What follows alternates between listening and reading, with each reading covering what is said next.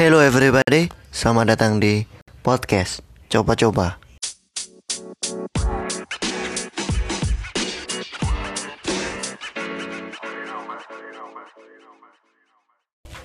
Hari ini kita hanya akan memperkenalkan diri. Apa sih podcast coba-coba itu? Mungkin teman-teman semuanya tahu, podcast sekarang udah sangat terkenal di jagat Indonesia. Memang tidak seramai yang ada di Amerika.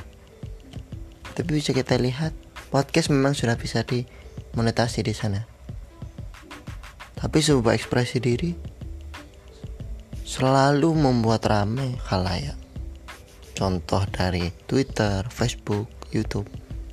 Semua orang beramai-ramai untuk ikut mengekspresikan diri dan mencari teman melalui karya-karya mereka yang bisa ditorehkan dari aplikasi-aplikasi, dari channel-channel, dari apa pun yang bisa dibagi kepada, kepada dunia maya memang sebuah podcast belum ramai di semua kalangan. Mungkin milenial menganggapnya sebagai radio yang bisa membantu banyak hal dari pengembangan diri hingga bahasan yang remeh-temeh, guyonan, pun malah hal-hal yang eksplisit. Apa sih podcast coba-coba?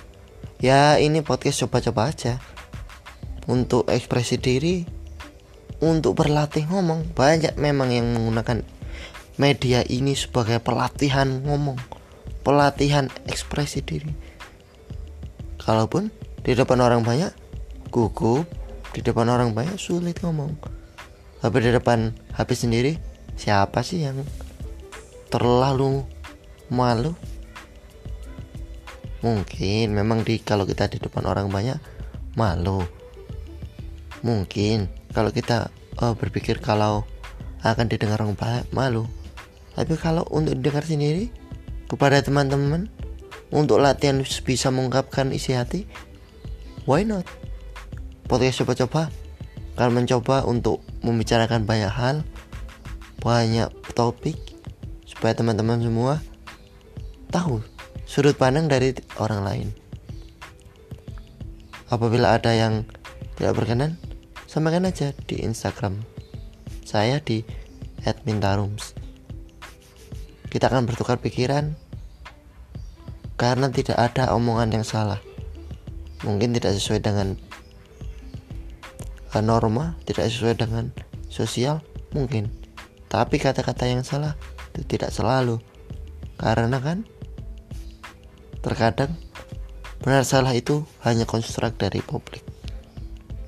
So, be objektif. Mari diskusi di podcast coba-coba.